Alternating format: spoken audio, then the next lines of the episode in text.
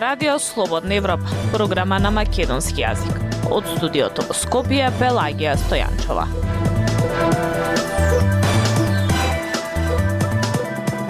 Во денешната емисија на Радио Слободна Европа објавуваме Амбасадите и Европската обвинителка не одговорија на повиците за помош во разрешувањето на судирот Русковска Муареми. Апокалиптична е сликата во делот Малешевскиот регион кој годинава беше зафатен со пожари. Дали со привремената влада Бугарија ќе се врати во руската орбита? Слушајте Независни вести и анализи за иднината на Македонија. На Радио Слободна Европа и слободнаевропа.мк. Повиците за странска помош за разрешување на судирот меѓу обвинителката Русковска и директорот на финансиска полиција Муарими не најде на одговор од оние од кои што побараа помош. Европската обвинителка Лаура Ковеши вели дека не планира наскоро да ја посети Македонија. Недоразбирањата меѓу двете институции кои треба да се борат против корупцијата ги извади на површина сериозните кризи во правосудството, велат експерти. Марија Тумановска. Странските амбасади во земјава и европската обвинителка Лаура Ковеши не одговорија на повикот на двете главни институции за откривање финансиски криминал и корупција да посредуваат во нивниот судир што кулминира деновиве. Директорот на управата за финансиска полиција Арафат Муаремија повика јавната обвинителка Вилма Русковска доколку располага со сознанија и информации за сторен криминал да ги докаже и на јавноста да и пласира обвинителен акт против него.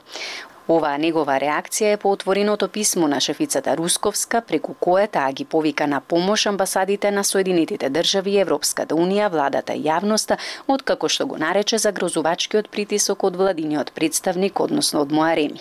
Од канцеларијата на Европската обвинителка Лаура Ковеши за Радио Слободна Европа вела дека обвинителката нема планови наскоро да ја посети Македонија. Оттаму објаснуваат дека имаат контакти со јавното обвинителство за воспоставување соработка и подсетуваат на нивниот мандат кој ги опфаќа само финансиските интереси на земјите членки на Европската Унија. Од владата пак апелираат сите институции професионално и одговорно да ги извршуваат задачите според своите надлежности. Сметаме дека никој не треба да влијае в разработењето на државен орган како што е јавното обвинителство и го охрабруваме да постапува законито, непристрасно и објективно, ни одговорија од владата. Во меѓувреме со реакција на писмото на Русковска се јави издруженијето на јавни обвинители. Од таму смета смета дека со писмото се нарушува угледот на јавно обвинителската функција и грубо се прекршува етичкиот кодекс на јавни обвинители. Според експертите, пак отворениот судир меѓу двете институции кои треба да бидат предводници во борбата против финансискиот криминал и корупција е доказ дека правосудниот систем во земјава е во сериозна криза. Кризата не е нова, туку представува една од поголемите ескалации, вели професорот по кривична постапка Гордан Каледжиев. Самиот факт дека правниот систем е во криза и дека е под сериозни политички влијанија и дека се изразува повеќе како политички судир отколку како правен е повеќе од сериозен. Повикувањето на странски фактори значи дека и другите институции во системот се во сериозна криза и не, нема, нема механизми кои што би го разрешиле овој конфликт. На исто мислење е и Маргарита Цаца Николовска, поранешна судијка во судот во Страсбур.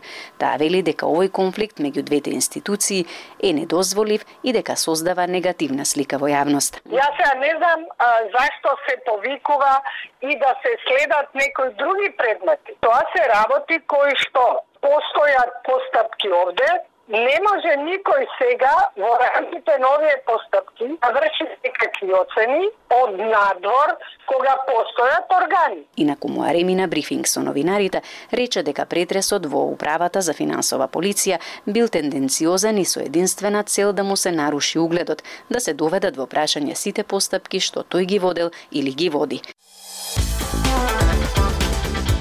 Слободна Европа. Следете на на Facebook, Twitter и YouTube. Допрва се проценуваат штетите од пожарите што опустошија голем дел од шумите во земјава. Во меѓувреме, останува апокалиптична слика во делот на јубавите и најживописните места во Македонија како Малешевијата. Дали и колку се возобновуваат опожарените површини и може ли да се спречат ваквите појави? Слушнете во продолжение од прилогот на Ивана Стојкова.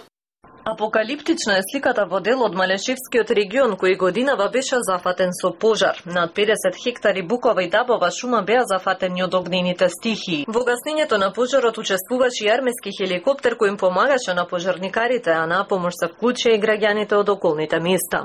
Во центарот на Малешевијата е Берово град на 840 метри надморска висина со богатство од букови, борови, дабови, шуми, најголема концентрација на кислород во воздухот во Македонија. Беровчанот Од Сенат Расимов, кој што работи како новинар, вели дека жално е што еден од најживописните и најубавите предели во земјава, пожарот ги опустоши. Сликата е многу лоша. Да одите од Берово до Пекчево или до Делчево, сликата е како апокалипс. Многу лошо за таква прекрасна живописна и питома шума. Расимов вели дека за разлика од лани надлежните институции годинава побрзо и поефикасно успеале да се справат со гаснењето на пожарите, но она што го загрижува е возобновувањето на природата и пошумувањето, нешто на што вели треба да се обрне многу поголемо внимание. Предходната година имаше само две пошумувања, но тоа е многу малку. Треба многу поголема ангажираност на државата. Сега е мирно, но последниот пат гореше високо квалитетен дап и тоа околу 50 хектари, што беше жално да се гледа. Така што поголеми акции за пошумување мора да има дефинитивно. Годинава регистрирани се досега 69 шумски пожари. Според податоците од јавното предпријатие Македонски шуми, опожарена е површина од 733 хектари при што е опожарена шума од лисјарки и глолисни мешани дрвни видови како и тревна вегетација. Штетите од овогодишните пожари изнесуваат околу 700.000 евра. Биологот и еколог Кирил Арсовски Пржа за Радио Слободна Европа вели дека 99% од сите шумски пожари во земјава настануваат од човекот, а според проценките, во последните 20 години Македонија изгубила повеќе од 50% во шумските пожари. Биологот лоцира неколку причини за зачестените пожари. Првање на опушоци, палење логорски оган, управување со возило кој испушта масло, ретки се но постојат такви случаи. Потоа пожари кои настануваат при горење на стрништа. На пазарот има стара метода на стерилизација на полињата на жетвите. Горење на стрништата е нелегално, но се прави и тоа многу лесно се шири кој шумите. И трета причина е пироманија со цел да се искористи лупка во законот, а тоа е дека изгорена шума може да се сече. Иако имало обиди да се смени овој дел од законот, сепак до овој момент тие обиди се неуспешни. Биологот Арсовски потенцира дека проблемот е што обновата на шуми е тежок и долг процес. Дополнително вели во шумските пожари не само што горат шумите, туку се губи и биолошката разновидност, а Македонија е соочена со суши и сериозни непогоди така што опасноста расте, И ако се појави може многу лесно да се прошири шумскиот пожар. Според биологот потребни се и три системски решенија за да се спречат ваквите состојби. Дека другите држави вложуваат во спречување во систем системи, сензори, камери, навијудувачници, ние не правиме ништо, немаме политики. Имаме две агенции кои не знаат меѓу себе кој за што е одговорен. Порачува биологот. Актуелности свет на Радио Слободна Европа. Бугарскиот преседател Румен Радев очекува привремената влада да не ја вовлекува Бугарија во војна, да обезбеди снабдување со газ и да ја намали политичката тензија. Но зад тие зборови, велат аналитичарите, се крие друга, неофицијална агенда која вклучува враќање назад кон Русија. Пренесува Гоце Атанасов. Стоти поред во историјата на Бугарија и четврт премиер поставен од председателот Румен Радев. Ова е сувата статистика за новата влада која стапи на функција во вторникот. Шефот на бугарската држава наведе неколку главни задачи пред неа: контрола на високите цени, обезбедување ефтини енергетски резерви, смирување на политичката тензија, спречување Бугарија да биде вовлечена во војна. Сепак ова е само официјалната листа на приоритети на новиот кабинет, велат аналитичарите со кои разговараше Радио Слободна Европа. Зад неа демне втора неофицијална агенда, која сугерира враќање на испораките на руски газ и пацификација на диалогот со круговите блиски до Москва. Сигналите се многу јасни од Радев дека сака да се реши проблемот со енергетската криза, Тој тоа го гледа во насока на обновување на испораките од Газпром, смета професорката по политички науки на Софискиот универзитет Свети Климент Охридски Ружа Смилова. Радев може би е генерал на НАТО, но има сосема друга позиција, додава Борјана Димитрова, менаџер на социолошката агенција Alpha Research. Според неа, некои односи со Русија може да се обноват под економски изговор, без тоа официјално да се рекламира. Димитрова очекува сличен развој на настаните поради неколку јасни противречности меѓу зборовите и постапките на председателот. Ке наблюдуваме нешто сосема ново од Радев во бугарскиот политички живот.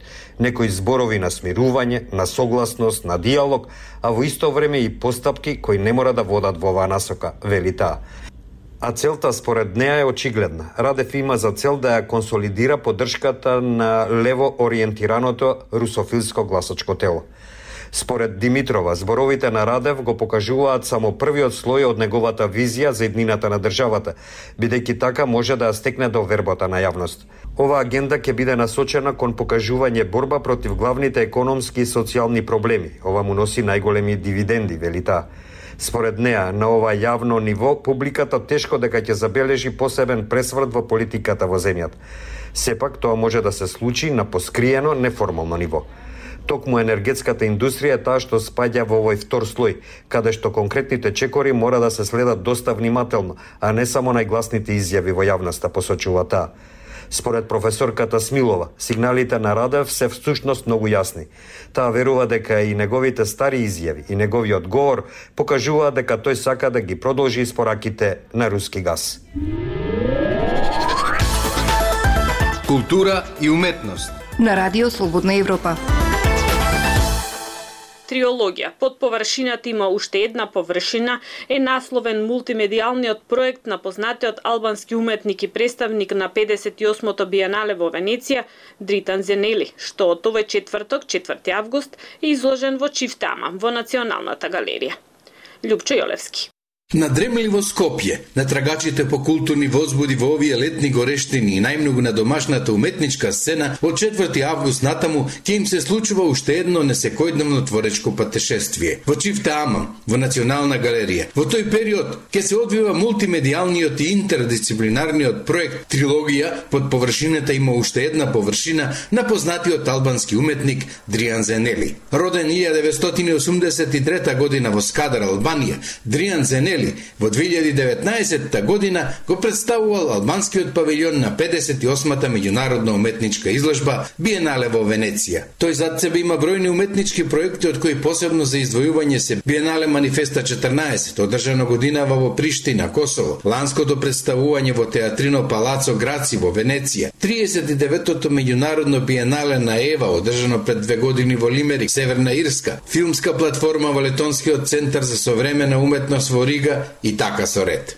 Инаку проектот Трилогија под површината има уште една површина, се состои од три видеа, инсталации, цртежи, редимейд објекти и просторни инсталации. Елементот што ги поврзува филмовите е минералот хром. Во разговорот со него, тој најнапред ке рече дека на вистина е среќен што за прв пат ја представува трилогијата под површината има уште една површина во Националната галерија на Македонија, чиј куратор е Ана Франговска. Потем истакнува дека трилогијата е составена од неколку дела од кои трите главни се три видеоинсталации. Е пара е мутен me lan planetin tok па forcen е гравитетит. Првото дело, наречено невозможно е да се напушти планетата Земја без гравитација, каде се почнува во металургијата на Елбасан, едно значајно место кое во минатото се сметаше за утопистичко, бидејќи се мислеше дека ќе биде многу продуктивно за албанската економија, но денес е едно дистопично и напуштено место каде едноставно се пропадна. Филмот е снимен со Марио, мојот пријател од детството, кого го поканив за да реализираме еден филм посветен на неговата желба да ја напушти планетата Земја. А тој пак предложи да го снимиме филмот во металургискиот комбинат во Елбасан, што бил изграден во 1962 година. Тоа е своевидна реликвија, знак на политичко враќање по застојот со Советскиот сојуз, на новосозадениот сојуз меѓу Комунистичката партија на Кина и партијата на трудот на Албанија вели Дриан Зенели. А Ана Франго. Трговска во својот текст за каталогот на изложбата на Дриан Зенели пишува Редефинирањето на идејата за неуспех, утопија и сон стои во сршта на истражувањето на Зенели